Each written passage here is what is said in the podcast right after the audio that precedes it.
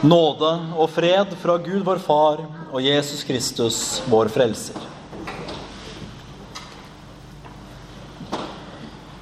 Jesus gjorde ofte undre. Mange, mange undre. Han helbredet folk stadig vekk. Lamme kunne gå, blinde fikk synet tilbake, døve fikk sin hørsel igjen, spedalske ble renset. Listen er lang. Og det hele kulminerer med det største av alt da han vekket sin venn Lasarus opp igjen fra de døde, fra graven. For en storhet og for en makt! Kan dere tenke dere noe sånt? Hvordan det må ha vært å leve så man kunne se alt dette med sine egne øyne. Gud selv som går blant oss som menneske, med all den makt han har, og helbreder folk. Det er jo helt enormt. Og samtidig så reiser jo gjerne spørsmålet seg for oss hvorfor? Hvorfor var det viktig og nødvendig at Jesus gjorde underet? Kunne han ikke bare ha blitt menneske, sagt det han sa for å gjøre de sure, de som skulle gjøres sure, for å drepe ham? Lide, dø og stå opp, hadde ikke det fullført det viktigste som han skulle utrette? Kanskje, men samtidig ikke helt. Jesus Kristus ble menneske for å sette alt i stand igjen. Det var én måte Gud så ut i sin uendelige visdom for å frelse oss fra våre synder. Det var at ett menneske skulle ta på seg straffen. Og det, ble, det mennesket ble ham selv. Jesus Kristus, sann Gud på den ene siden og sann, sant menneske på den andre. Kanskje var det andre måter. Kanskje kunne Gud ordnet noe som ikke krevde at han ble menneske. Det vet vi ikke. Og teksten fra hebreerbrevet får oss jo til å tenke at dette var nødvendig. Og det er heller ingen hensikt i å spekulere for mye i det. Det vi heller kan gjøre, er å ta en ekstra titt på hvor fantastisk det faktisk er at Gud ble menneske. For det var det han, fordi det han gjorde ved å bli menneske, det var å gå inn i vårt sted. Og Bibelen sier i Hebreerne det fjerde kapittel at han ble prøvet i alt. Og at han derfor kan ha medynk med oss mennesker. Det er, det er ikke sånn at Gud bare sitter i sin himmel, et fjernt sted, og lar oss seile vår egen sjø. Nei, han kommer ned til oss. Han går inn i vårt sted, og han lider med oss. Da ser vi at en del av de undrene som Jesus gjorde, faktisk var av medlidenhet med de menneskene han møtte. I møte med noen blinde i Matteus 20 leser vi dette. Og det er ikke utenkelig at dette gjaldt også nå, i møte med Peters svigermor. Nå vet ikke vi hvor glad Peter var i svigermoren sin. Men siden vi ikke har noen andre opplysninger, så kan vi jo anta at han var det. Og jeg får vel også kanskje legge til for sikkerhets skyld, siden hun sitter der i dag, at jeg er glad i min egen svigermor også. Poenget er altså at Jesus ser vår nød. Han ser våre lidelser. Han ser vår sorg. Han så sin venn Peter frykte for svigermorens liv. Han så den nød det skapte å være blind, lam eller spedalsk. Han ga menneskene han møtte, verdigheten tilbake. Han fridde dem fra onde ånders makt, helbredet dem, løftet dem opp igjen og igjen, og han helbredet mange, og mange kom til ham. Men denne makten som Jesus hadde, hvor kom den egentlig ifra? Det er viktig at jeg sier noe om dette, fordi det hersker ganske utbredt forvirring om dette i mange sammenhenger. Det er en ganske utbredt tanke, ikke nødvendigvis her hos oss, men man kan møte den andre steder, at Jesus ikke hadde guddommelige krefter. Eller at han hadde dem, men at han ga avkall på dem da han ble menneske, slik man leser i Filippe-brevet. Da er tanken at Jesus fikk tilbake evnene sine da han ble døpt. Og konklusjonen er at alle kristne som døpes, også kan gjøre de undre Jesus gjorde. Jeg vet ikke med dere, men jeg gjør ikke undere sånn til vanlig. Eh, og denne tankerekken den tror jeg er nok til å få selv den største helgen til å tvile på sin tro. Men frykt ikke dersom du aldri har vekket opp noen fra de døde eller gitt en blind synet tilbake. Det er, det betyr ikke at det er noe galt med din tro. Det kommer fra en vranglesning av den teksten jeg nevnte fra Filippe-brevet. Jesus har alltid hatt, hadde da han var på jorden, og skal alltid ha guddommens fylde, som han sier. Kanskje litt vanskelig ord, litt krøkete, men det betyr ganske enkelt at i mennesket Jesus Kristus var også alt det det innebar å være Gud. Syndfrihet, evighet, allmakt, allvitenhet og alt sånt. Men vi leser i Filippebrevet at vi leser Filippebrevet slik at han la bånd på seg. Ellers ville jo mennesket ikke klart å stå i hans nærhet hvis alt det guddommelige bare strålte ut konstant. Det ville blitt komplisert. Jesus kunne alltid gjøre alt, men han valgte å ikke gjøre det. Jesus hadde all makt, all visdom, men han brukte den ikke alltid. Rent erfaringsmessig så er ikke dette heller helt uproblematisk. For det spørsmålet som melder seg nå, det er hvorfor ikke alle? Nå leser vi riktignok i dagens tekst at Jesus helbredet alle de de kom til ham med. Helbredelsesfortellingene i evangeliene er mange. Og Vi leser enda til til slutt i Johannesevangeliet at Jesus gjorde mye mer enn det som er skrevet ned. Og at alt det han gjorde, ikke ville romme all verdens bøker. Men helbredet Jesus da absolutt alle? Vi kan tro at han helbredet mange, men det slutter ikke automatisk av det at han helbredet absolutt alle. På mange måter representerer dette en utfordring for troen. I alle, I alle fall i første rekke.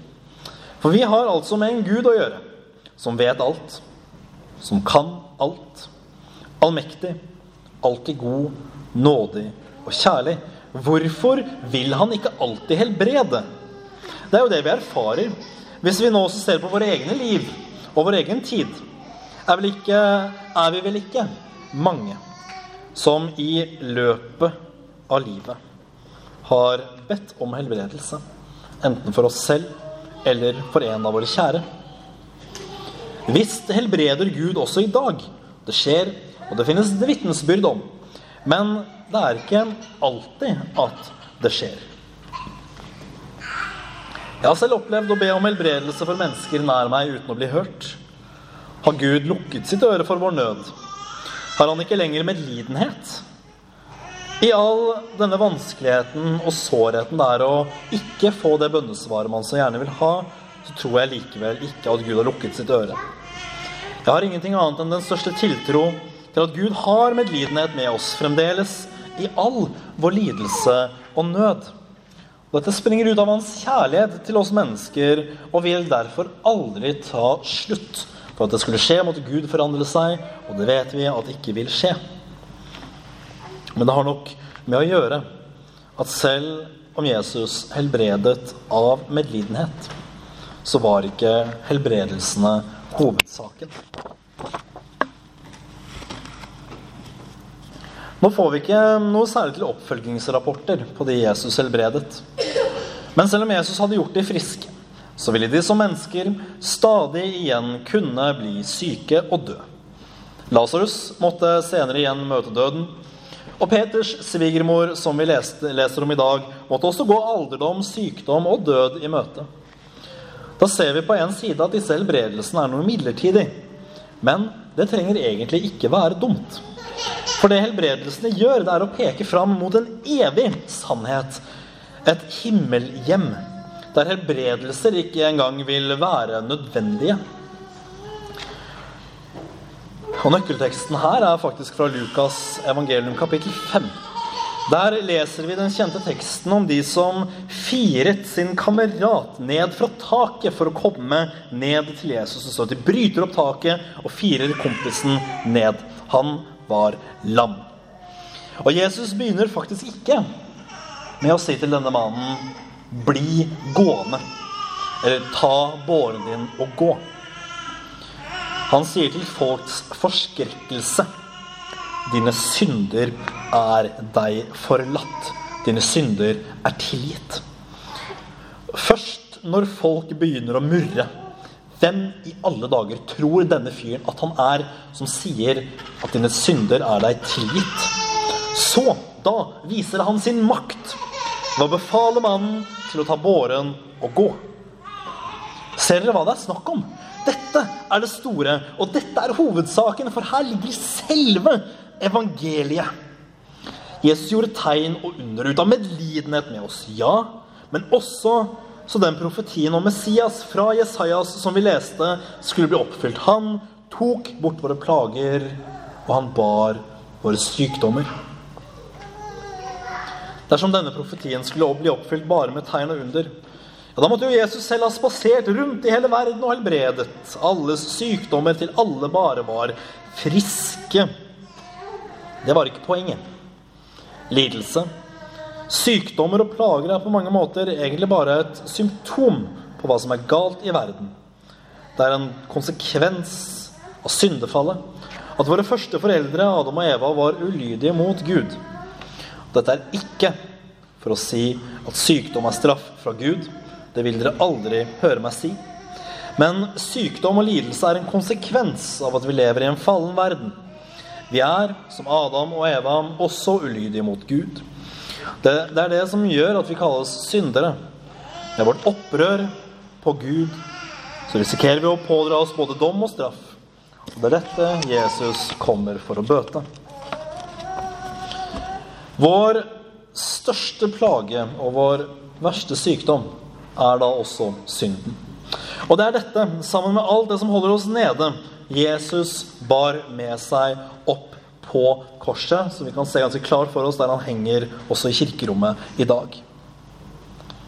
Det var gjennom å lide og dø for oss på korset, så vi kunne få tilgivelse for alle våre synder, at Jesus bar våre plager og våre sykdommer.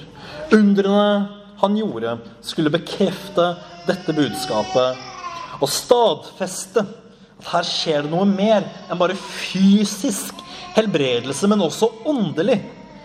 Han pekte fram mot det hjem som vi alle har i himmelen i troen på ham, hvor sykdom, lidelse og plager skal ryddes helt ut. Og budskapet skulle altså bekreftes og stadfestes med tegn og under. Sånn var det også for de første kristne, men ikke for oss nødvendigvis. Undrenes tid er ikke forbi, som det heter. Det må man kunne si. Men det er ikke lenger normalen. Og dette er ikke et problem. Det er ganske enkelt fordi budskapet allerede er stadfest og bekreftet. Og vi kan lese om det i sin helhet i Bibelen, som er Guds ord til oss. Men det hadde jo vært så fint med under, hadde det ikke det? Så vi kunne se og ikke bare tro. Ja, det hadde det, det hadde det naturligvis vært. Men det er nå en gang vårt lodd i dette livet at vi skal tro uten å se. Og da er vi salige, som Jesus sa til Thomas. Men vi skal vokte oss vel for ikke å bli så opptatt i vårt savn etter helbredelsesunder at vi går oss blinde for de underne som faktisk skjer rundt oss. Det skjer et under i kirken, som vi sang i sted. Ja visst skjedde det et under akkurat der for et kvarter siden omtrent, da to små barn ble døpt. Dette er i sannhet et under. Større enn verden vet. To små barn Vilja og Olve har fått del i dåpens velsignelse. Gud selv er midt iblant oss. Det er Gud selv som har døpt dem og latt dem bli nådens barn når de blir gjenfødt i dåpen. Hvor stort er ikke det? Og jeg tror ofte vi tenker for lett at for oss var dåpen en engangshendelse. Det skjedde en gang for lenge siden. Og etter det så er det noe annet hva enn det måtte være, som er viktig. Og Jeg tror faktisk det er mye rikdom å hente her når vi ser på vår dåp og forstår det store under som skjedde der. Gjennom vår dåp så har Gud selv gjenfødt oss. Han har gitt oss troen, og han har gjort oss til sine barn. Det er jo det største under som kan skje.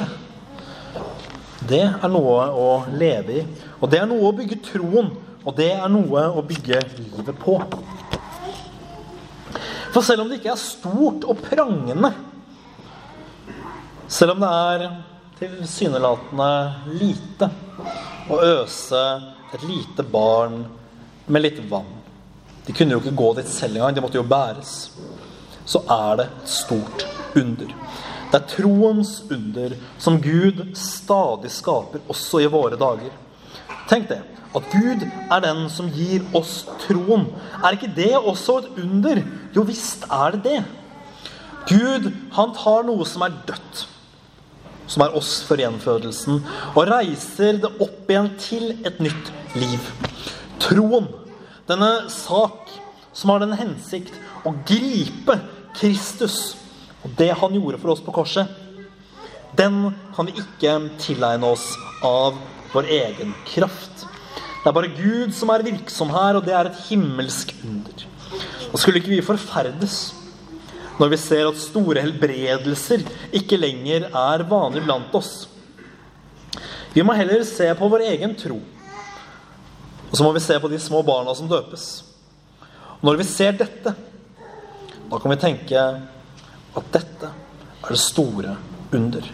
Det under som overgår alt. At Gud kaller syndere til seg. Han støter dem ikke bort, men han gir dem troen, og han gir all tilgivelse for våre synder. Og til sist så vil han kalle oss inn til sin evige fred og herlighet. Og dette er det største under av dem alle. Ære være Faderen og Sønnen og Den hellige ånd, som var, er og blir en sann Gud fra evighet og til evighet. Amen.